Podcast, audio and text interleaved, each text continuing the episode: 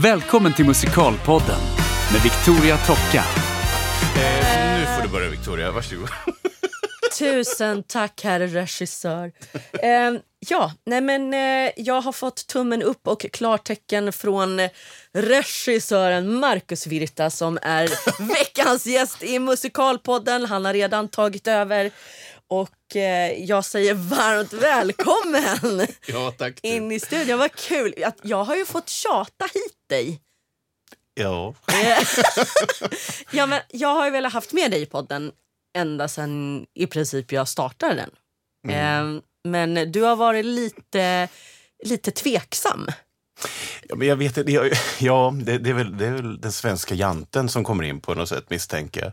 Ja. Jag har liksom alltid haft svårt för att prata om mig själv. Jag, jag tycker, det är, tycker det är svårt. Jag tycker det är intressantare att, jag tycker det är intressant att jobba. Jag tycker det, älskar mitt jobb och så. Liksom. Men jag har svårt att, eh, att hävda mig själv. eh, På det. Framhäva liksom Ja. det du gör. Ja. Men jag tycker ju att det är otroligt spännande att prata med dig av flera anledningar. Dels därför att du själv är utbildad musikalartist i grunden. Och det gör ju att det blir extra spännande då eh, att du har gått över, i alla fall till största delen, att regissera. Eh, och eh, det tror jag att många kan tycka är superspännande. För de flesta andra regissörer jag har jobbat med i alla fall och träffat både i podden och så, de har ju kanske inte jobbat som artister själva utan de har valt liksom regissörsyrket. liksom, Så. Ja, det. Ehm, Men eh, om vi backar bandet lite och börjar någonstans där musikalartisten Marcus Ja. Virta. Vem var han? Vem, Vart vem är vägen? du? ja, vad hände? ja, precis. Nej, men jag började... ehm, alltså back in the days så var det ju verkligen sådär lokalrevy som jag drog igång med. Det Okej, var ju, vart är du ifrån? Jag är från Örebro-trakten, norr Ah, om okej. Örebro, Örebro. En liten, liten by som heter Vedevåg ute på landet. Där. Okej. Ungefär 500 personer som bor där. Ja. Och där fanns det i tidernas I begynnelse tidernas begynnelse, en en lokal revy. revy ja, som hette Treboda-revyn. Okej. Och där cyklade jag till revypappan Henry Lindqvist en sommar och frågade om jag fick vara med. Och det fick jag. Hur gammal var du då? då var jag 13. Ja, Var jag. Så det är liksom, jag hade haft sikte på den där lokalrevyn sen, sen barnsben verkligen. Att det där, jag tyckte det var så himla roligt. Och mina föräldrar tog med mig och mina systrar dit. Liksom, och så tog såg du liksom mod till dig och, och cyklade dit och frågade. Liksom. Ja, för det var liksom, jag tänkte att det är ingen som kommer upptäcka mig utan jag måste ju ringa och fråga. Jag var skitnervös. så det var, Det är Men sen på den supermodigt ju. Jo, jo, det var det. Eh, sådär liksom, och det var på mitt eget initiativ. verkligen så. Tidigare hade jag spelat klar, klarinett. Och det var sådär eh, grann, eh, granndöttrar, Elin och, och Jenny som spelade klarinett. Så jag var väldigt influerad av dem. Liksom, att okej, Ah. sådär, klarinett ska jag spela. Men teatern var liksom på mitt eget initiativ.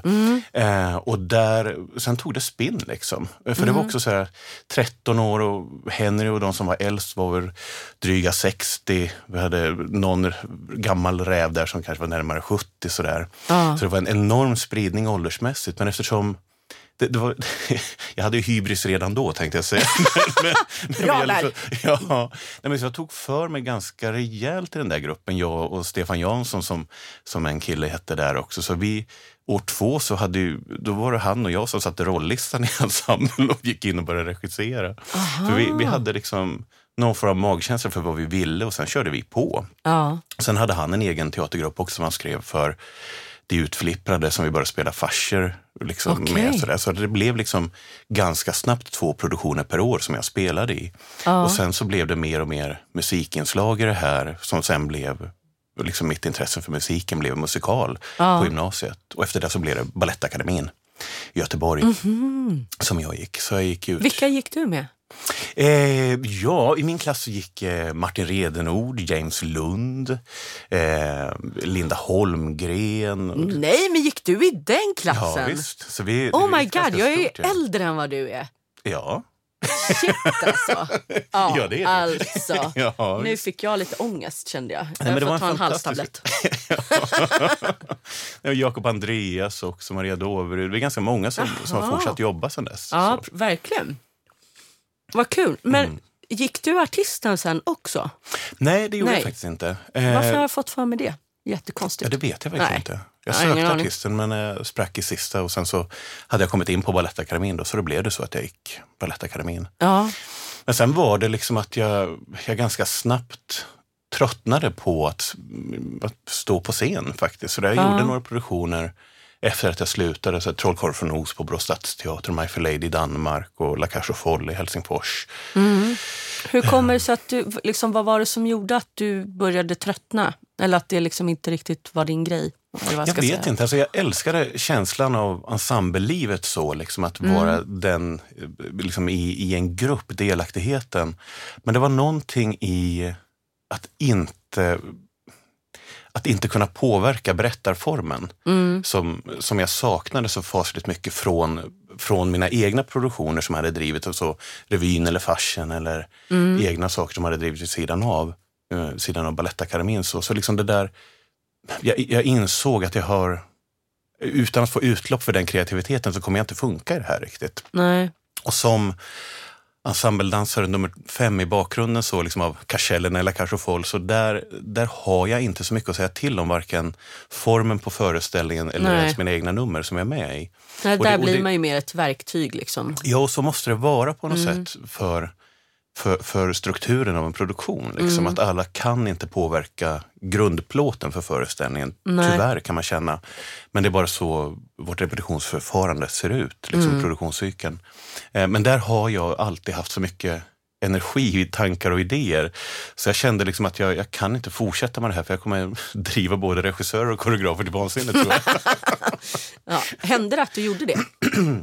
Ibland kanske. Eh, jag tror att jag hade känt så, liksom, spröten ute så, liksom, så att jag kände att när jag skulle backa eller inte. Ja. Eh, men däremot så fick jag inte ut tillräckligt mycket av det. Så jag, jag tog något sabbatsår där efter 2008. Där jag jobbade mest i butik eh, och liksom gjorde annat. Och sen så dök det upp en audition för Les Misérables på Åbo Svenska Teater. Okej. Som Georg Malvius regisserade. Och jag hade jobbat med Georg tidigare två gånger i La Cage aux Folles och Hair. Ja. Eh, Så jag hörde av mig till honom och sa det att jag, jag kommer söka det här. Eh, Men känner du att jag är rätt för någonting i det här så vill jag också vara din assistent. Ja. Så jag vill kombinera liksom... Regiass, liksom. Ja, precis. Och jag vill kombinera en, ett ensemblespår då eh, och regiassistentbiten. Så. Ja. Eh, och så blev det så. Eh, så jag fick vara Georgs assistent och eh, vara med i ensemblen också. Sen alternerade jag också som, som Thénardier Okej. i den föreställningen. Men alltså, eh, det här är jätteintressant tycker jag. För att vi började den här intervjun, med att, eller samtalet med att ja, men, Jante och hej och hå, men du är ju ändå en människa som tar för dig och ställer frågan. För jag brukar ofta säga det att om du inte ställer frågan är svaret alltid nej. Så att just det här att du ändå i det läget då säger till Georg att alltså, det här vill jag. Ja. Alltså, jag tror att det är ganska viktigt att bara liksom lyfta fram det ändå. Att Jo, precis. Men, är man inte nöjd eller om man, alltså, så här, man vill någonting annat, eller så här, ställ frågan i alla fall. mm. För i det här fallet så blev det ju jättebra.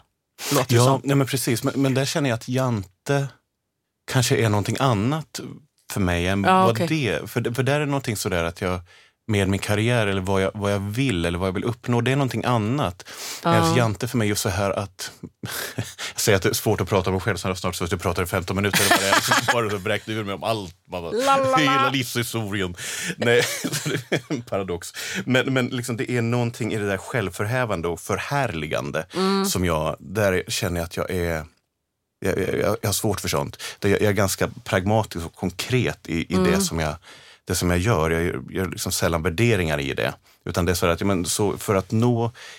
Jag ville regissera. Ja, precis. Så jag, jag, så hur ska jag nå dit? För ingen vet att jag kan regissera. Jag, jag tyckte mig kunna. Jag tyckte mig ha teser och teorier om vad, vad jag bör göra för att få en scen att funka. Ja. Men jag insåg också att ingen skulle lita på mig eh, fall jag inte har gjort det. Nej. Eh, Så det är just det där att hur spräcker man nollan då? Liksom hur, Ja, hur får jag första gigget? Och där, där intalar jag mig själv att men, assistera, börja med det liksom. Ja, Eh, och gör ett jäkligt bra jobb och sen tar vi det därifrån. ja, Sen hade jag liksom något outtalat mål för mig själv att, att på Åbo Svenska Teater, liksom att via Les Misérables få en första produktion. ja. Och så blev det. Eh, turligt nog. För att det Ja, var en kul. regissör som, som var tvungen att lämna en produktion tyvärr för hon, hon blev gravid. Så det var ju Ja. underbart för henne såklart. men, men det det var sorgligt att de var tvungna att lämna produktionen då. Så att jag fick, jag fick carte blanche faktiskt från teaterchefen då, Joakim Tiblin. Att, att okej, du, du får tre skådespelare och två musiker, vad vill du göra? Ja. Och så, så fick jag liksom Och göra vad vad jag blev det ville. Det blev Rasmus på luffen faktiskt. Jaha. Så jag gjorde en egen dramatisering av, av Astrids saga som jag, som jag regisserade Mm. eh, för tre skådespelare. och Så, så det blev en, en teaterlek där man verkligen kastade rollerna till varandra. Så alla spelade Rasmus och, och liksom alla fick liksom alternera i roller i föreställningen. Så det var väldigt roligt. Så det, i princip så fick jag en någon form av betald utbildning kändes det som. Ja. Ja. Jag jobbade väldigt tätt med, med husets avdelningar och dramaturgen i huset så också för att få fram manuset och sånt. ja, just Så det det. var roligt. Ehm, hur skulle du beskriva dig själv som regissör då? För att jag vet ju att det finns ju regissörer som eh, kanske är jätteduktiga på helhetsbilden och liksom snygga bilder eller vad man ska säga. Och sen finns det de som är väldigt duktiga med på personregin och den biten. Och sen finns det ganska få eh, som är väldigt duktiga på både och kan jag tycka. I alla fall när det gäller de jag har jobbat med i musikalbranschen. Så, men liksom vad, åt vilket håll lutar du eller hur är du liksom jag menar, jag tycker att du är fantastisk i, i det jag har sett du har gjort. Men hur tänker du själv kring, liksom, vad, vad lägger du fokus på? Eller vad? Ja. Berättelsen är Mm. fokuset för mig.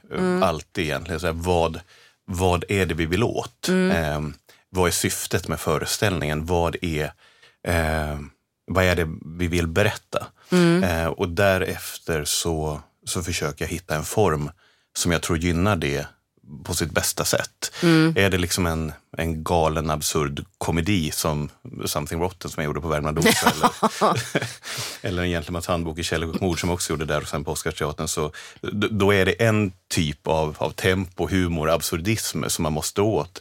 Eh, är, det, är det ett större drama som Parade eller Så som i himlen så, så är det en helt annan typ av, av estetik och form som man behöver komma åt för att, för att nå kärnan, tror jag. Ehm, och det, det, det är nog mer det som jag försöker jobba efter. Liksom, vad behöver den här produktionen Ja, för att fattar. nå, nå målet? Ehm, det, det är alltid där jag börjar liksom, för att eh, för att sen gå in i detaljerna med skådespelarna. Så det är liksom, det är, jag jobbar väldigt impulsivt, intuitivt på golvet med, med, med skådespelarna. Så liksom försöker jag gör allt som står i min makt för att behålla deras kreativitet uppe. Ja. Eh, för att det blir så mycket roligare och det blir så mycket bättre fall impulserna kommer från dem oftast. Samtidigt som jag försöker styra skutan framåt i den riktning som jag tror att föreställningen måste nå. Ja. Ehm, så det är hela tiden en kombination där i. Liksom för när, när man väl kommer till repstart så är det så många beslut som redan är tagna. Vad gäller scenografi, kostym, eh, oftast stora koreografiska beslut har redan tagits också. Liksom hur, hur nummer ska byggas upp. Mm. Så det, det är så mycket som redan är, är bestämt när man börjar. Så det, Mm. eh, så det, det, det som man kan ge skådespelarna att påverka själva vill jag ge dem. Mm. Sen så, Men vad händer då till exempel om du stöter på en skådespelare som inte vill samarbeta tänkte jag säga. Alltså någon som inte alls tycker som du eller vill som du. Vad gör man då liksom? Har du, A, har du stött på sådana problem? Och. B, vad gör man liksom? Jo, men det, det stöter man på titt som tätt. Ja. För att skådespelarna i den bästa världar också har ett eget tänkande. Ja. Nej, men så- och det, och det, det, det, jag ville jobba med människor som tänker och tycker. Det blir Mm, så mycket roligare och bättre då. Liksom. Eh, det är svårt när, man tänk, när det visar sig liksom en bit in i repperioden, okej vi tänker helt olika kring det här. Ja. Eh, det kan vara jättefrustrerande och irriterande. Eh, men, men där får jag hela tiden göra en bedömning. Vad är värt mest? ja, just det. Ehm, är det viktigt för mig att den här scenen blir som jag har föreställt mig att det ska vara?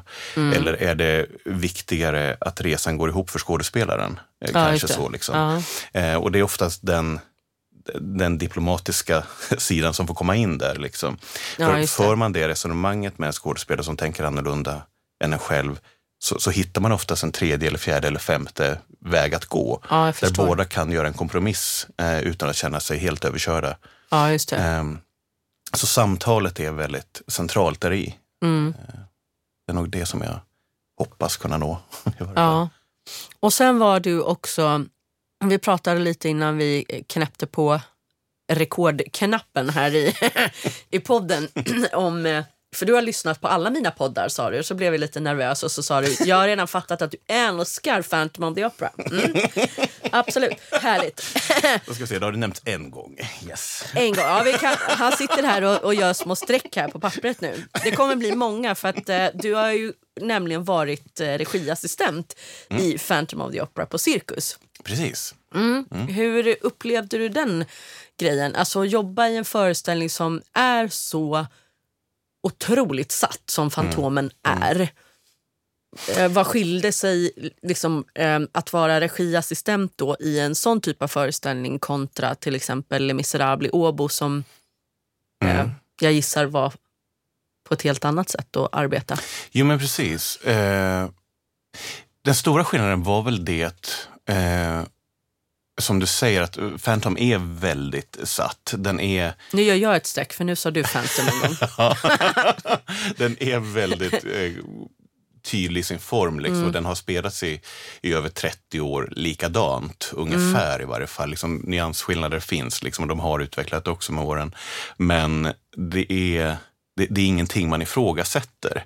Nej. Det, det är väl det som var den stora skillnaden, att alla som var på scenen någonstans visste att vi kommer få inom citationstecken underkasta oss formen som föreställningen är. Mm, att. Mm. den är inte diskuterbar.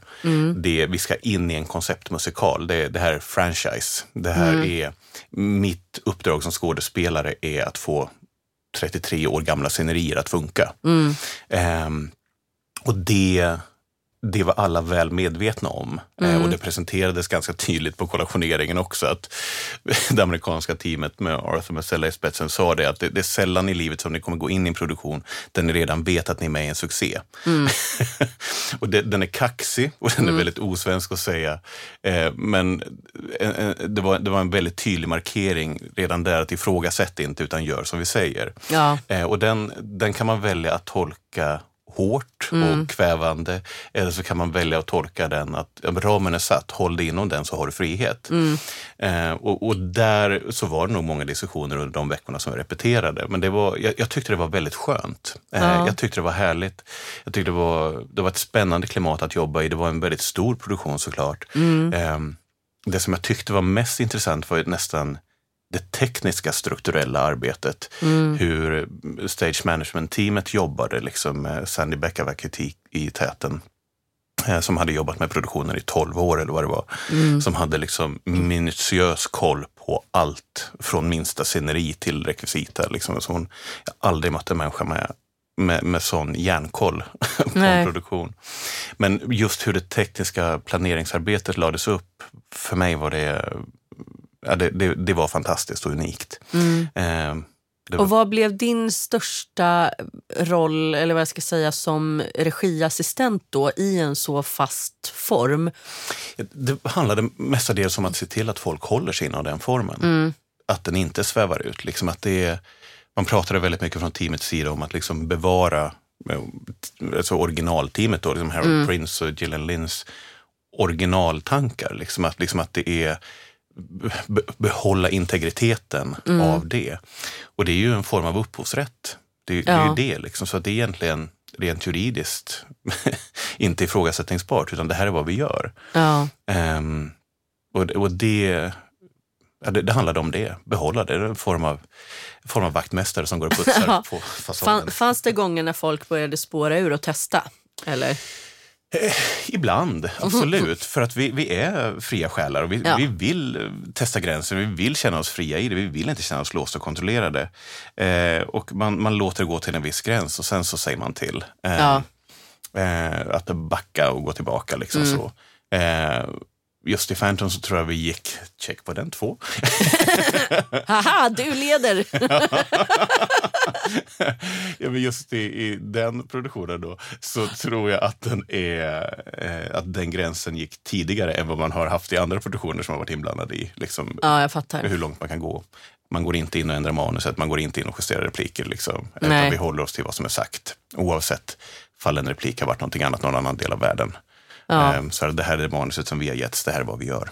ja just det. Ehm, men sen det handlar det också om att hålla, hålla samtal med skådespelarna. Så, liksom, för de blir såklart frustrerade eh, när Ja. de känner sig kontrollerade på det sättet. Så, liksom, att det var en balansgång där verkligen som jag fick, som jag fick ta. Och det var ju flera såklart, jag och Julian Bigg som dirigerade föreställningen och eh, Trevor Shonward som var danskapten. Eh, så liksom hur, man, hur man för de diskussionerna med skådespelarna. Liksom, hur går man in, när går man in och varför gör man det och inte. Så, liksom. Mm, Eh, men det var spännande. Ja, alltså jag var ju ganska ung såklart när jag gjorde den föreställningen eftersom jag spelade Kristin. Så att jag var i mitten av 20 liksom. Eh, och jag kan aldrig själv... Alltså jag kommer inte ihåg att jag kände mig eh, kontrollerad. Eh, för jag upplevde att jag fick liksom frihet innanför ramen eller vad jag ska säga. Men sen var ju jag ett enormt Phantom-fan, alltså när jag fick jobbet. Ja. Så att jag var ju liksom bara A. Jätteglad över att ha fått jobbet och B. Eh, vill jag ju till varje pris plisa liksom det kreativa teamet och vara den absolut bästa Kristin för publiken som jag kunde vara. Och jag hade ju en väldigt tydlig bild eftersom jag hade sett föreställningen säkert 15 gånger liksom innan jag ens... Alltså, Det är någon form av sunt förhållande till en föreställning. Nej, det är väldigt osunt skulle jag säga. Alltså, jag kunde ju hela föreställningen utan till när jag var Ja. 12. Liksom. Ja. Så att, eh, Den är ju unik på det sättet Ja. Mm. att den har en otrolig fanbase. Vi hade ju folk som kom och såg den från världen över och så är det när man, när man Precis. spelar Phantom så kommer folk och ser den. Och det var sådär, De kunde ju föreställningen mycket bättre än vad jag någonsin kommer kunna Phantom. Liksom. Ja. Vi hade folk som kommenterade på, på Instagram eller Facebook sådär, liksom att ja, ja, jag ser att det amerikanska eh, makeup-teamet, för de där perukerna skulle London-teamet aldrig ha med. Och sa, Nej. Okej. ja. Nej, men folk som har superkoll på vilka kostymer som är med i vilka produktioner. Så Mm. För att vi hade, jag spelade i Köpenhamn och då hade vi de gamla Stockholmskostymerna. Just det. Just det. Och det var de tror jag som flyttade tillbaks till cirkus. Bitvis i alla fall. För att jag vet att någon eh, Kristin hade mitt namn i någon av sina kostymer till exempel. Aha. Ja, för jag vet att det var, det var tal om att den gamla Stockholmsproduktionen skulle tillbaka, men i slutändan så blev det inte så. Men då är det möjligt att något, någon kostymdel var med som blandades upp. För det var framförallt, vårt var, vår produktion var baserad på en Asienturné. Så det var liksom, Ja, för att jag vet att ibland så är det olika. Det finns både en blå och en rosa klänning att välja på i eh, All I Ask of You till exempel. ja, vi hade Alltså- den blå. Ja, precis. Jag hade en rosa faktiskt i Köpenhamn. Eh, men ja, strunt samma. Men det är ju liksom, det finns vissa såna där skillnader som de här superfansen har jättekoll på. Oh ja, oh ja. Och, och det kan ju naturligtvis, jag menar, i, i mitt fall så var det inte så, så jobbigt för Köpenhamn, är, eller Danmark är ganska litet ju, även om vi hade en hel del folk som kom från andra ställen. Men eh, när jag pratade med Emmy Kristensson i hennes podd, så, som gjorde rollen också i London, där hon var den första Blonda. blonda Kristin. Alltså, Helgerån, kan ja, du föreställa alltså det? Oj, oj, oj. vilken cirkus det blev kring det där. Phantom-puritanerna gick liksom man ur huset. Mm. Ja, och jag minns själv när jag såg det på, eh, det måste ha varit på hennes Instagram, Mm. att min första reaktion var liksom att, men vänta, vad händer här? Och sen tyckte jag att det var så himla fint. Ja. Vi pratade om att ha det i Stockholm också, men de, de ville inte det. det. Varför vill de inte det? Jag minns faktiskt inte, men jag vet att det var en diskussion att där, och det var ganska snabbt beslutat. Alltså, nej, vi är back to basic. Det var något man provade, men som man inte ville ha igen. Ja, ja. ja men det, då har de provat i alla fall. Jag tyckte det var fint. Ja, jag också. Eh, och eh, efter då Fantomen så började du regissera mer själv som, som regissör igen, eller hur? Ja, eller... eller var det egentligen- parallellt kanske? Ja, precis. För jag tog egentligen någon form av, av avbrott i mitt regisserande för Phantom. Ah, okej. Det hade redan kommit igång. Liksom. Då hade jag gjort Eh, ja, vad hade jag gjort? Jag hade gjort Rasmus då såklart, sen Blodsbröder och jag hade gjort Parade och Candide och Gentlemannen på Värmande Opera. Ja, gud, alltså, Så jag- Du ser ju hur väl påläst jag är. Men det är ingen fara. Du pratar, jag lyssnar. Nej, men Phantom var en avstickare. Ja, det var det. Eh, som Men jag- varför tog du det då? Det för att det var liksom bra betalt, typ? nej. nej, nej, tack och lov inte tänkte jag säga. Eller, men det handlade mer om att jag, jag, jag ville se hur det amerikanska teamet jobbade. Ja, jag fattar. Och jag rådfrågade också väldigt många faktiskt just inför det. För det var, det var Peter Jöback som ringde. Mm. Mässade mig en dag och då var vi mitt i repetitionsperioden av Parade. Så då fick jag ett mess. Hej, jag heter Peter Jöback. Går det bra att jag ringer dig ikväll? Och jag bara, ja, det går bra. Nej! Eh, nej, så frågade han ifall jag, jag skulle vara intresserad av ett sånt uppdrag. Eh, så vi, vi tog något möte några, någon vecka senare så liksom och pratade om det. Men jag gjorde ganska mycket research. Liksom vad, vad, vad innebär det då? Liksom, och vad, vart är jag på väg själv? Vad har jag för planer och tankar? Liksom, ska, vill, jag, vill jag det här? Eh, men jag insåg också att det, det ville jag. För jag ville ta lite, lite paus från regisserandet också. Jag ville ha... Jag, jag har alltid varit intresserad av att lära. Ja. Eh, jag tycker det är väldigt intressant att se hur andra jobbar. Jag tycker det, så jag kände att det var, det var en otrolig chans att se Arthur Messella och Rainer Fried eh, och framförallt Kristen Blodgett jobba. Eh, som var en musikalisk ledare liksom, och Henry Lloyd Webbers vänstra hand i princip, liksom, som får göra allt. Samma fantastiska människor som jag fick jobba med Ja, också. För det- de har gjort det här i många, många år. Ja, Ja. det är ett underbart team. Ja, liksom, så. otroligt fina. Men just så jag kände det liksom att det här är en chans som inte kommer dyka upp igen eh, och samtidigt som det handlade rent krasst att lära känna Stockholms teaterliv också. Ja. För jag har framförallt jobbat utanför Stockholm. Liksom. Det har varit eh, Sundsvall, det har varit Karlstad, det har varit Odense och det har varit Århus och Helsingfors, Åbo, Vasa och alla möjliga ställen. Eh, men liksom, Stockholm har varit något, något eget som jag liksom inte riktigt har kommit in i. Nej. Så jag, såg det som en rent strategisk chans också att lära känna Privatteater Stockholm. ja, jag fattar. Eh, och det, det gav ju frukt också. Mm, men var det tack vare det, tror du, som... ehm, eller det vet ju du säkert, men var det tack vare det som det gick att flytta Gentlemannen från Värmland till Stockholm? Nej, egentligen inte. För att Nej. jag, Vicky och Johan hade redan varit i, i diskussion om Gentlemannen när jag Ja, gjorde okej. den på Värmande Opera. De var på premiären och det var redan tal då. Sen föll det eh, av flera olika anledningar. Eh, men sen så blev det helt plötsligt en ledig säsong på Oscarsteatern och då valde de att plocka upp den då istället. Ja, okej. Så det hade nog spännande nog hänt ändå. Ja, Ehm, Men sånt där är liksom också spännande att tänka vad, vad som leder till vad. För det vet man egentligen inte riktigt. Men ibland så kan man ju såklart se vissa tydliga punkter att utan det där så hade nog inte det hänt och så vidare. Ehm, Men det, nej, jag, jag vet inte riktigt hur det blev. nej. Ja, men det är intressant det där hur man kan titta tillbaka på eh, liksom, sin egen karriär eller sina egna val och hur... hur eh, jag tror att det var det Steve Jobs som sa connect the dots. Eh, Att det liksom... Vad ska jag säga? För, för min egen del så tycker jag att det handlar mycket om att eh, liksom bara göra. Mm. Um, alltså, eh, när chanser och möjligheter kommer, att, att Mm. som ta dem därför att du vet inte vart det leder, alltså vart Mm. nästa liksom, prick till prick, eller liksom eh, vad det blir. Sen får man ju gå ganska mycket på, på magkänslan. Jag var och pratade i en annan podd igår som heter Loungepodden där jag fick vara gäst och prata om mig själv. Eh, och eh, eh, då pratade vi bland annat om det här med eh, eh, ja, men, hur, hur man gör vissa val och så fick jag en fråga om det finns någonting jag ångrar. Mhm. Eh, och eh, då svarade jag, för det är väldigt tydligt för mig att de, saker jag ångrar är eh, när jag inte har gått på magkänslan utan Mm. på liksom det hjärnan har sagt eller det Mm. man tror är det smarta valet Mm. snarare än att gå på...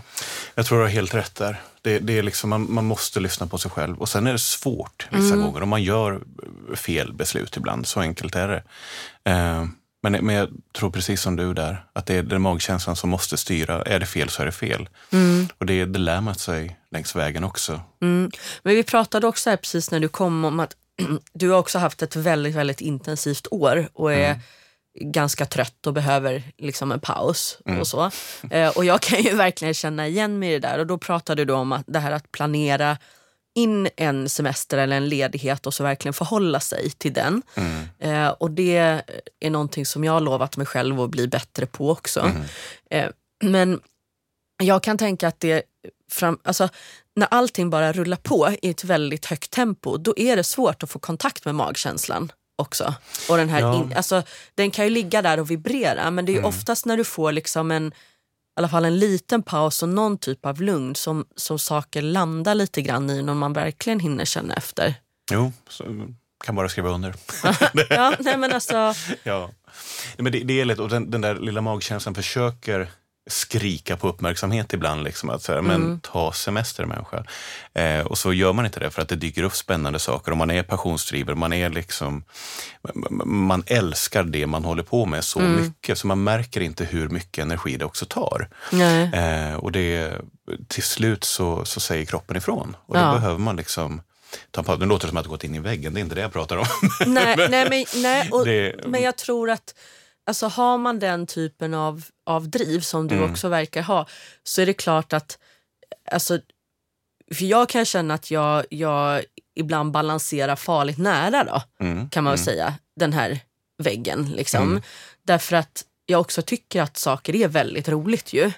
Mm. Eh, och sådär att om jag säger min mitt dagliga tempo, om jag säger så, eller mitt inre tempo är jag ganska säker på är väldigt mycket högre än no- liksom, normal Mm. svenskens tempo. Liksom.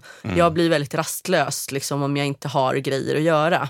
Mm. Så jag får ju jobba på att pausa och liksom ha tråkigt. Jag tror det här är väldigt mycket någonting av vår tid. Också Ja. så liksom att man, man drivs upp i ett tempo nu, liksom fler och fler, Mm. som, som är ohållbart. Liksom att man måste medvetandegöra i sig själv att de här pauserna behövs också. Man behöver Mm. stänga av. Man behöver, man behöver vara ledig. Man behöver sitta i soffan och ha koma.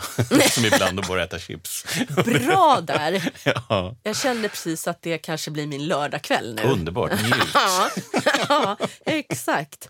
Men eh, det som är allra mest aktuellt, i alla fall, som jag gissar att de allra flesta eh, vet att du har gjort och liksom den här jättesuccén, det är ju Så som i himlen. Det är, ju, eller det är i alla fall det mest eh, eh, synliga kanske för de som inte är Ja, ja. supermusikalintresserade. Ja, ja. Eh, och eh, vad jag har förstått så var det ju en annan regissör som var tillfrågad från början.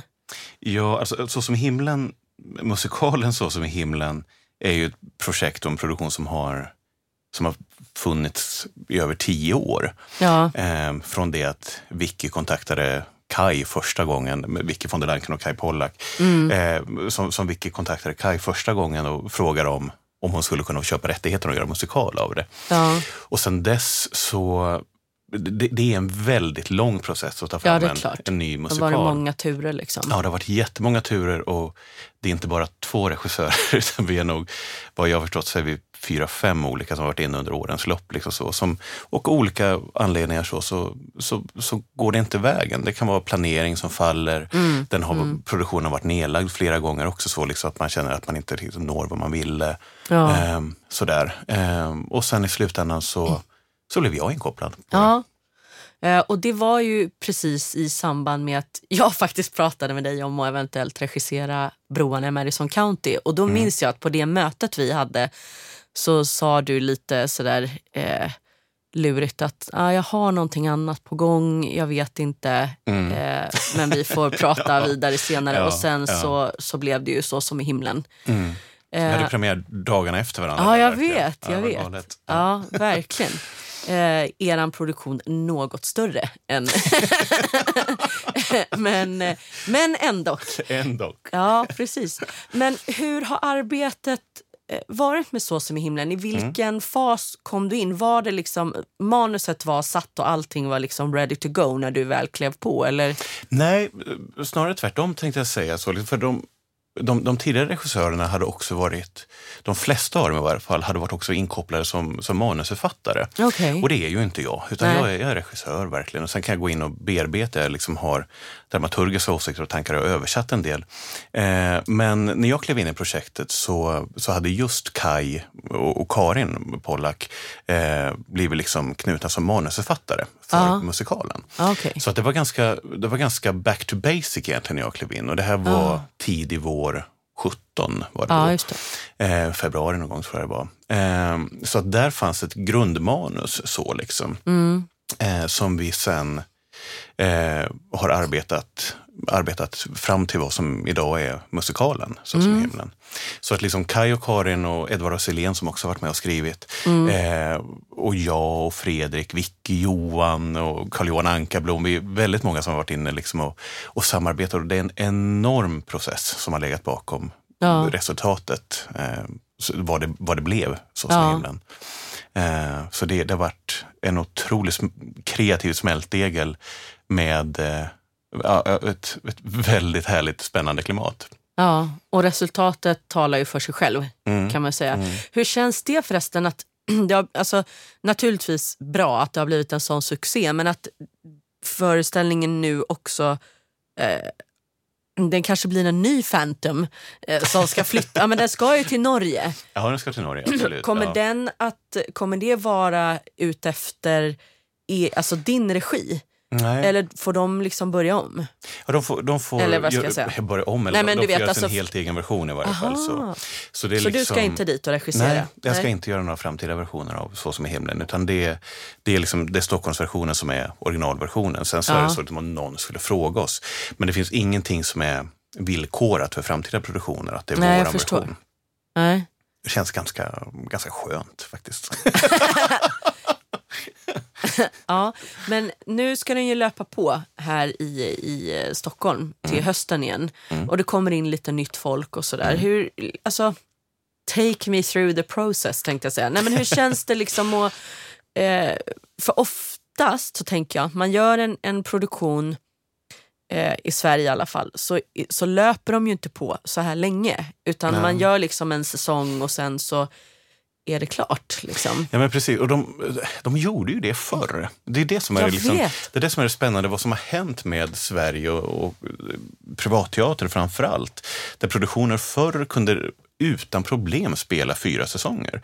Ja. Det, var liksom, det var mer regel än undantag, liksom, att produktioner löpte ganska länge. Och inte bara i Stockholm, utan även sådär Mm. Hjalmars revy i Örebro kunde köra liksom två år utan problem Ja. med busslaster från hela Sverige. Ja. Men där har någonting ändrats liksom från att från att i regel spela sex, sju föreställningar i veckan ner till fyra eller fem. Mm.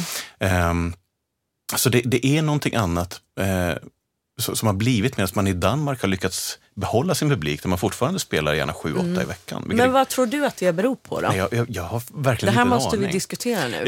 Ja. Lösa problemen. Ja, men precis. Då, och då så vinner vi någon form av pris för alla marknadsförare som håller på med teatermarknadsföring. Exakt. Eh, nej, jag vet faktiskt inte vad det handlar om. Mm. Eh, det, det, är bara, det är bara en utveckling som har, som har skett. Ja, nej men alltså jag tror ju ganska starkt på att det har med mm, liksom, ett eh, ganska svalt medieintresse att göra. För att om media inte lyfter upp det som Mm. sker på scenerna, liksom, då... Men är det medieintresset större i Danmark? Jag kan inte uttala mig om Danmark. Nej, inte jag heller. Jag vet faktiskt inte. Men eh, nej, jag, vet faktiskt Nej. inte, om jag ska vara helt ärlig, vad det, vad det kan bero på. Men jag tror att alla de här delarna hänger ihop. Liksom. Jag pratar ju ganska ofta om att jag tycker att det verkligen behövs nya musikalstjärnor i Sverige. Mm. Mm. Att man måste lyfta fram de unga. Alltså, ehm, för återigen, frågar man liksom en människa på stan, bara nämn de tre mest kända musikalartisterna i Sverige. Så de flesta nämner Peter Jöback och sen får de tänka och vet inte riktigt och sen kanske de kommer på Tommy Körberg. Mm. Ehm, och, Helene kommer nog ganska fort upp där också tror jag. ja, men det roliga var att jag ställde den här frågan igår. Nämligen. Okej. Och alltså den personen, en 30-årig man, kunde verkligen bara komma på Peter Jöback. Sen fick jag lirka och så var det så, ja men Tommy Körberg, ja. Och jag bara, ja och Helene Sjöholm. Han hade ingen aning. Han visste inte vem det var. Ehm, Gud vad ont gjorde i hjärtat nu kände jag. ja, ja, jag vet. Jag är shit. stort fan av Helena Sjöholm. Ja, Men, jag eh, ehm, Mm. och då menar jag bara på att de tre som vi inom branschen i alla fall skulle kanske säga är de tre största, Mm. eh, de är alla över 50. Mm. Och då tänker jag så här att för att musikal ska liksom bli spännande och roligt för en ny generation och hej Mm. så skulle vi behöva liksom Men här är också fler frågan då, är det, är det stjärnor vi behöver? Eller är det en uppmärksamhet kring föreställningarna egentligen? För jag är inte säker på att individerna är grejen. Eh, Nej, in- när, jag, när jag går och ser föreställningar i London så har jag inte en aning om vilka de här människorna är. Det, det, det är en handfull människor som jag verkligen Mm, har koll på. Så. Men det är, det är föreställningen och produktionen som är stjärnan. Och det är det som har varit grejen oftast med... Nu kommer vi tillbaka till Phantom. Ah, hur många streck har du nu? nej, Jag tror jag leder. Nej, men, att det är oftast produktionen i sig som har varit stjärnan vad gäller Phantom. Att det inte har varit stora Mm. Ja, kända men, och det håller jag med om och det är dit man någonstans vill komma. Men Ja. ändå så blev det ju liksom eh, gnäll i Stockholm när Peter Jöback var sjuk och Jan Martin Bengtsson fick hoppa in som Fantomen. Så var Mm. Det det, roliga är att vi hade ju folk som klagade och ville ha pengarna tillbaka i pausen av Phantom för de påstod att det inte var Peter som spelade. Men det var Peter som spelade. eh, Okej. Så det är liksom, folk har inte riktigt koll alla Nej, gånger. nej, det är för sig sant. Och eh, eh, jag såg ju eh, John Martin också och han är ju helt fantastisk. Så Ja, att, John Martin är underbar. så att det är ju... Alltså där får folk bara skärpa sig. Men som sagt, man, man vill ju gärna, alltså jag som musikalälskare vill ju jättegärna komma till att det är föreställningen i sig som ska vara stjärnan om du förstår vad jag menar. Men hur ska vi göra för att liksom lyfta intresset rent medialt kanske och så för att liksom Nej, men jag tror att vi komma sakta- tillbaks till någon slags musikal... Eller, ja. Nej, Men jag, jag tycker att vi lever i en tid som är den bästa på decennier för musikal. Verkligen. Oh, ja. det, är liksom, det är någonting som händer. Det är fler och fler talteaterinstitutioner som går in och spelar musikal med glädje nu för tiden. Ja, men det här behöver vi också diskutera.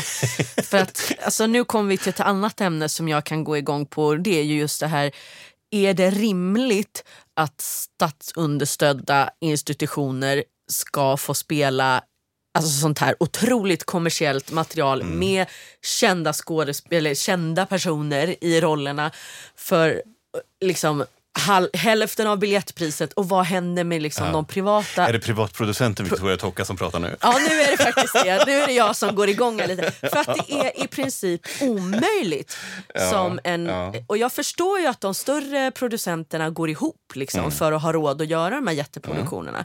Men om vi ska få liksom, ett bredare eh, musikalutbud och hej och hå, då måste ju liksom fler mindre producenter, typ jag, och jag vet att det finns många andra också som försöker. Liksom.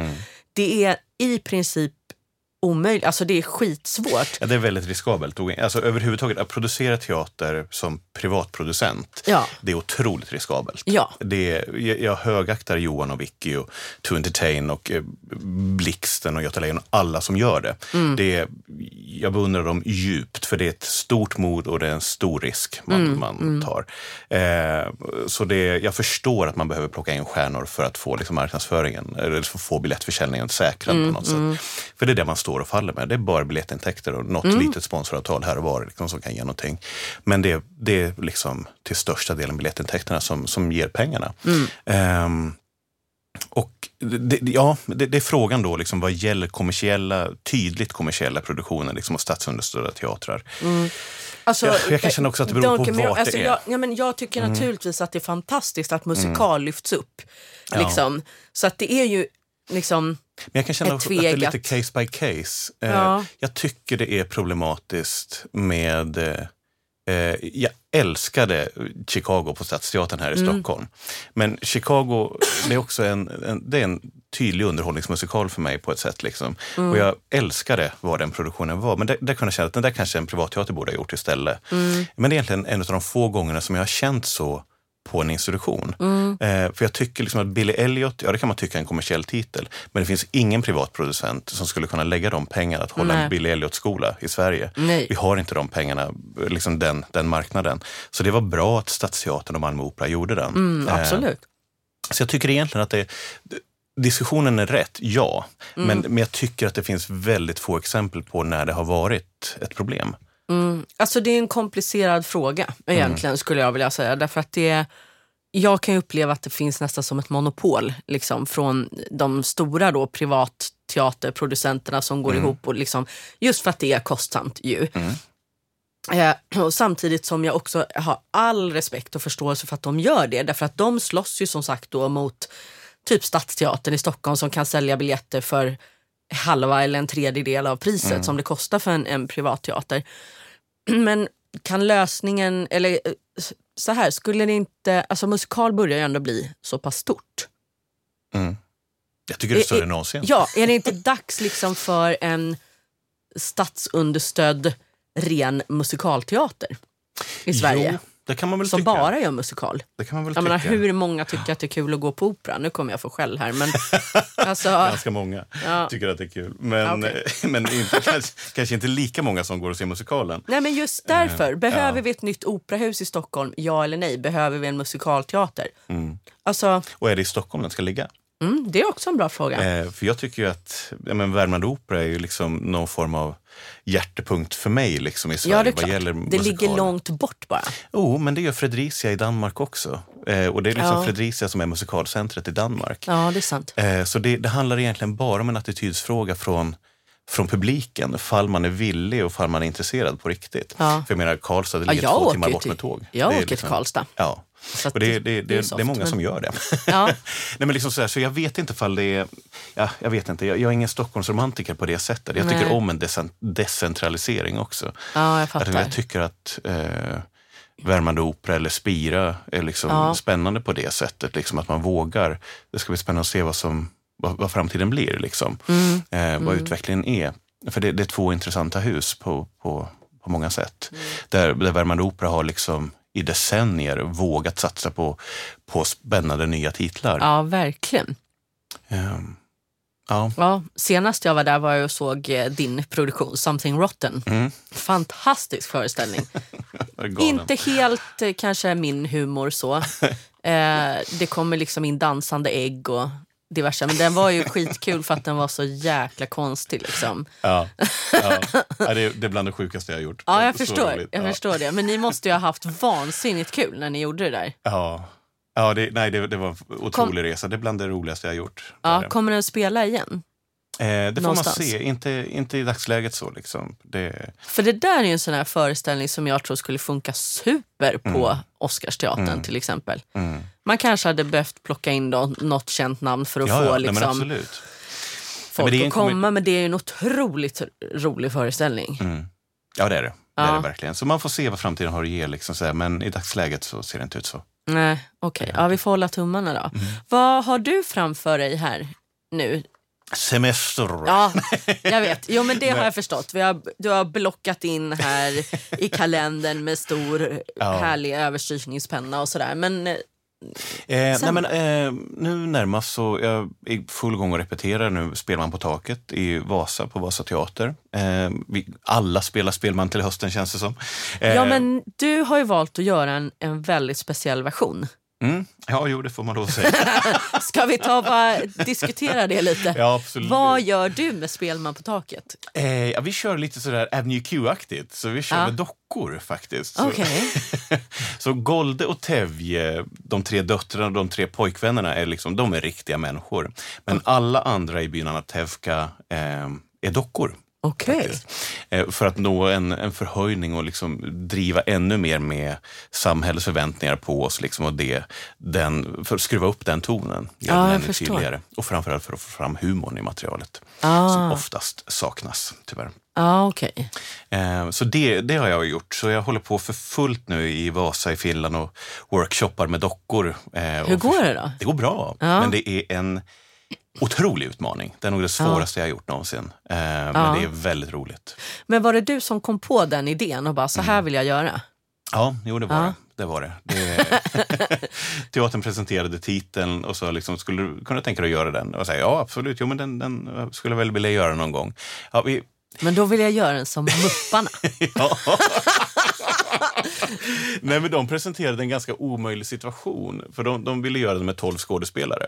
Okej. Och jag var sådär, ja men det går ju inte. Okej, hur löser jag det här? Men sen gick jag hem på kammaren och funderade. Och jag, jag har liksom sett väldigt många föreställningar de senaste åren där man har haft element av dockor med. Liksom. Såklart även i Q, men också War Horse och The Grinning Man och Pinocchio. Och Lion King. Ja, ja absolut. Verkligen. Ehm, nej, men så det har blivit mer och mer implementerat i, liksom, i vuxen teater. Det är liksom inte bara eh, obskyr barnteater som håller på med dockor, utan det har liksom Nej. blivit ett... Vilse i pannkakan liksom. ja, men precis. Drutten och Gena. Ja, liksom, hela ång, ångestprogrammet från Ja. när jag var liten. Typ. Jag var rädd för vilse i Ja. pannkakan. Men det där har liksom smugit sig in nu, så att det är, det, det, det, det är någonting som vi kan använda. Liksom. Ja. Så jag kände att det där har jag, det har varit nyfiken på väldigt länge. Och då insåg jag att men det här kanske är någonting att prova. Ja. Så då presenterade jag det för teaterledningen och de, de var så, du vill göra vad? ja, jag tänkte de kan ju inte ha liksom hoppat av glädje det första de gjorde. Jo, men det Eller? gjorde, de var ändå sådär liksom positivt nyfikna. De, de, Åsa Salvesen som är konstnärlig ledare där och Anna Simberg som är dramaturgen, de är båda otroligt spännande teatermänniskor på det sättet. Ja. Så de var sådär, okej, nå det här behöver vi nog tänka lite på. men ändå var väldigt nyfikna. Och sen så ringde de en dag senare och sa, okej, har, du, har du jobbat med dockor förut? Sa, Nej. Nej. Okej, och koreografen, har han gjort det? Så, Nej. Okej, ja. Men då kanske vi behöver plocka in någon dockinstruktör eller något sånt. Jag bara Ja, det vore väl jättebra.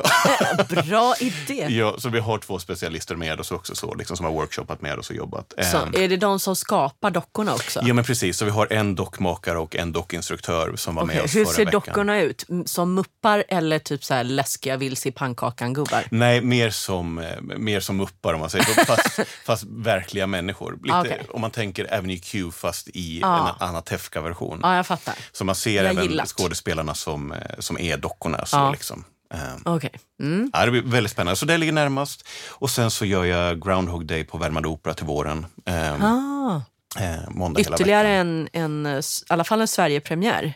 Mm. Skandinavien-premiär kanske till och med. Eh, ja, det, det är det faktiskt. Eh, så det, En föreställning som gick på Broadway för några år sedan. ja, precis. Och i London innan dess också. Så, Ja, just det. Mm, så det precis. stämmer bra. Mm. Ja, vad spännande. Och eh, sen gissar jag att du kanske är involverad i nå, eller upprep av eh, Så som i himlens ny... Ja, precis. Vi har ju några nya premiär. skådespelare som kommer in till hösten. Då. Beatrice Järås och eh, Sofia Pekkari och eh, Åsa Sjöblom som kommer in. Ja, ja, ja. Så då, vi har repat nu under våren också med dem. Ja, okej. Eh, och sen så repar vi upp det i september också några dagar och sen så kör vi för fulla muggar igen. Ja, vad kul. Mm. Ja, men det låter ju som att du har supermycket spännande projekt på gång framöver. Jag eh, hoppas ju att jag någon gång, även om det inte blev vid broarna den här gången, får eh, nöjet att jobba tillsammans med dig. Eh, en annan sak som jag också är intresserad av, som jag inte får glömma, det är ju att du fortfarande i alla fall ibland jobbar som musikalartist. För du har ju precis gjort eh, Sweeney Todd Just det, just det. Dalarna någonstans. På Dalateatern. Ja, ja. Alltså, och, men var det liksom för, för att du saknar att stå på scen eller för att det var specifikt den här produktionen? Eller? Det var en kombination. Mm. Eh, det är liksom...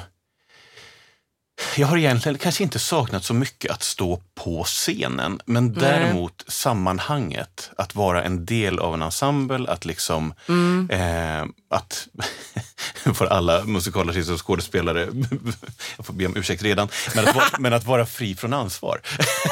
Ja, ja, att bara ha mina egna repliker, min, min egen sånginsats att ta ansvar för. ja, Eh, för som regissör så är det, det är 20 000 frågor hela Mm. tiden att ställa sig själv och som kommer från alla andra. Så det är, det, det är ganska mycket. Eh, Ja. Medans Pirelli då, som jag gjorde i Sweeney Todd, är en väldigt liten roll. Eh, Mm. jag hade en handfull scener eh, och det är... Så jag, jag behövde jag behövde liksom en liten paus från regisserandet Mm. och samtidigt som jag ville se, har jag några verktyg för att stå på scenen kvar? Men hur var det då? Att liksom, vad ska jag säga, gå tillbaka och underordna sig någon annans form och så. Var du den här jobbiga skådisen som bara, men jag tycker så här nu? Ja, nej, det, det, Nej. tack och lov. Liksom, sådär. Jag, jag hade lovat mig själv att nu ger du fan i att liksom, tycka för mycket eller sådär att ens försök inte påverka dina kollegor, vilka val de gör, utan det måste du lämna till regissören. Ja. För jag kan liksom Fick du bita inte... dig i tungan många gånger? Eller gick det Nej, bra? faktiskt liksom? inte. Det var, det, var, det var förvånansvärt lugnt. Liksom. Jag lyckades med den lilla affirmationen. Ja, härligt. att andas in liksom sådär. Mm. Så det var, nej. Och sen så Patrik Pettersson som regisserade föreställningen, han och jag delade loge faktiskt. Ja. Så det var också, det var väldigt kul att prata mycket med honom om, om vad regi är. Ja. Och sådär. Och Så vissa du dagar. sipprade in dina idéer i honom i alla fall? Eller? Nej, Nej. verkligen inte. Utan snarare, snarare tvärtom så kunde man sådär vara varandras bollplank mer mentalt. Ja. För att det är ju, jag ser ju också såklart, eftersom jag är regissör också, när Mm. det är en tung dag för regissören. Ja, ja. Så var det ganska skönt att kunna stänga dörren till logen också. Så okej, hur, hur, hur har vi det? ja, jag fattar. så, kunde, så kunde han liksom få, få, få lätta sitt hjärta också, ifall det var, ifall det var en tung dag. Så, så vi, hade, vi hade faktiskt väldigt fina samtal om vad, vad våra jobb är. vilket är Ja, vad kul. Mm. Mm. För att jag... eh, Det där är ju svårt när man alltså, sitter på många stolar, Mm. som jag ofta gör, eller har gjort nu de senaste åren eftersom jag både har producerat och själv spelat i föreställningar som jag har producerat. Mm. Och det där är inte alltid superenkelt. Eh, varken för, för mig, men även eh, för mina kollegor ibland. Liksom, Mm. Pratar jag nu med, med Victoria, min vän, eller med Victoria, producenten? Mm. Eller, eh, och det där är ju någonting som man får Men det- jobba och- på och, och ja. navigera. Liksom. Jag tror att det, det är viktigare än någonsin i, i våra tider att vara medveten om den position man sitter på. Mm. Det menar jag inte sådär att eh, liksom lyfta regissörerna till någon form av maktposition, men det är det. det och det måste Ja. man vara medveten om. Precis. Eh, att man, eh, speciellt i, i skuggan av metoo-debatten och sånt också, om man, Mm. om man bortser från alla hemska sexuella övergrepp som har begåtts genom tiden, men liksom det som det som också har varit otroligt viktigt i den debatten är just eh, diskussionen om maktmissbruk Ja. och vad den, vad den innebär. Liksom så. Mm. Eh, så jag känner liksom att det jag har burit med mig därifrån, nu, nu hoppas jag och tror jag inte att jag har varit någon form av maktmissbruksposition. vet? Nå, ja, men, men, jag, men- jag känner ändå liksom ett enormt ansvar för den positionen som jag har. Mm, För att jag sitter på en position där man på en audition kan säga ja eller nej till någon, fall den får jobba ett halvår eller inte. Mm. Och där måste man, man måste rannsaka sig själv på många fronter. Mm. Varför man känner som man känner och vad, vad görs mina bedömningar på. Ja. Och även på en repetitionssal. Liksom att jag måste skapa ett klimat där alla känner sig tillåtna att skapa det de ska skapa. Ja.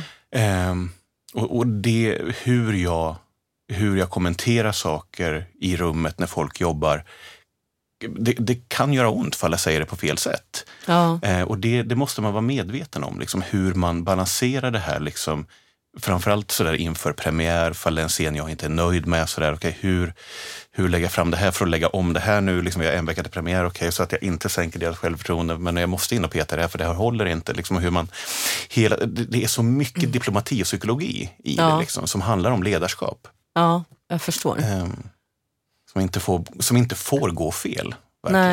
Så, men precis som du säger, och där måste man vara medveten om vilken stol man sitter på. Speciellt om man eh, råkar jobba med folk som man känner privat också. Mm. Ja, precis. Och jag försöker i det längsta att undvika det. Jag har framförallt en skådespelare som jag umgås med privat som, som har jobbat ihop flera gånger, ska jobba också nu. Där, där, där är jag sådär, okej, första gången vi jobbade ihop så var jag verkligen där, shit, hur kommer det här gå liksom? Eh, men vi har så uttalade regler för varandra också så att han, det, det får aldrig bli någon svågerpolitik i det här utan det, det, det måste vara baserat på kvalitet det man gör. Eh, fall man får jobb eller inte. Ja, det är klart. Det var ju en väldigt eh, viktig del för mig också i Broarna till exempel. Mm. Att när vi väl hade valt en regissör, att det var viktigt för mig att i repetitionsprocessen verkligen överlämna till Rickard. Och eh, inte... Jag menar, jag hade ju naturligtvis en väldigt klar bild av, av eh, vad jag ville göra med Francesca och, och hur jag såg föreställningen. Och det är klart att vi hade diskussioner ibland om eh, och inte alltid var överens. Liksom. Mm. Men i slutänden så fick jag ändå gå på Rickards linje eftersom i det läget så, så var det liksom hans eh, ja, slutgiltiga beslut som gäller. Mm. Därför att jag har valt honom som regissör och där är det alltså viktigt från båda håll då tror jag. Att eh, man är väl medveten om liksom i vilket läge man har vilket ansvar och när man måste backa och sådär. Eh, och det, ja som sagt, det är inte alltid superenkelt att sitta på, på många stolar. Men nu i ditt fall så då valde ju du att kliva in enbart som skådespelare och då, då har man ju någonting specifikt att förhålla sig till. Verkligen. Men eh, ja, i Broarna så var jag liksom både hans arbetsgivare och skådespelare. Ja, den är det. Mm. ju, det, det kan vara svårt. Jag tyckte att det funkade rätt så bra. Men eh, eh, då kan jag säga att det, det är svårare i, från Broadway till Duvemåla ibland där jag jobbar med eh, väldigt mycket kollegor som jag har känt i många, många, många år. Just det. Eh, Just det. För att ibland så är vi inte helt överens och då måste jag gå in och liksom Mm. vara var producent och Ja. chef. Eh, och det är inte alltid eh, jättekul liksom eftersom ja, Ja, det är, nej men alltså det, Det är det är så. Nu är ju det eh, på det stora hela ett otroligt härligt och bra gäng. Ehm, men det är klart att ibland är det inte roligt att ta vissa diskussioner med folk man har känt liksom i 20 år och bara säga ja, jag, jag förstår alltså, hur du känner men nu måste liksom, för att få ihop pusslet så måste det bli ja. så här. Liksom. Men det är också det- det som är, som är nacksidan, eller baksidan Ja. av, och nackdelen av att jobba som regissör eller producent. Att det i jobbet så ingår det också stundtals att fatta beslut som inte är roliga för alla. Ja, precis. Eh, så är det. Att man kanske måste stryka en scen, du kanske måste stryka Mm. en låt och då blir den personen som är involverad i den scenen eller den låten, det, det gör ont. Ja. Det, det är kanske en underbar låt, men den måste bort. Mm. Eh, Hur hanterar du det då? Ja, det är jättesvårt, men man, man, Ja. återigen så handlar det om att motivera för sig själv också. Varför fattar jag det här beslutet nu då? Mm. Så att det är baserat på rätt grunder. Att det, och där kommer jag tillbaka till det som jag också började med, liksom vad gäller vad jag ser i en föreställning. Och det är hela tiden helheten som är grejen. Det pusslet måste gå ihop. Om det så kommer ner till att låtar måste strykas, scener måste kortas. ehm, eller att en, en person bör spela den rollen och inte den rollen för att den personen... För jag kanske ser den rollen ska vara 10-15 år yngre än vad den skådespelaren kan spela.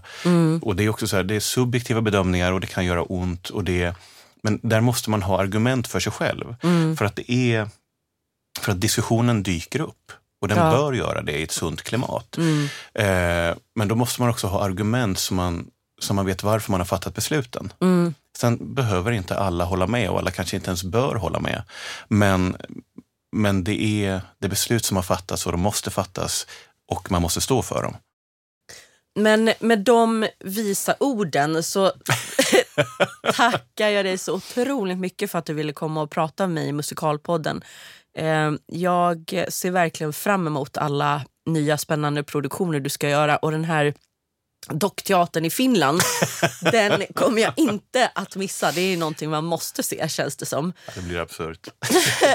Och eh, ja, jag hoppas att vi ses snart igen helt enkelt. Stort tack och lycka till Marcus Virta. Tack så mycket Victoria Tocka. Musikalpodden med Victoria Tocka.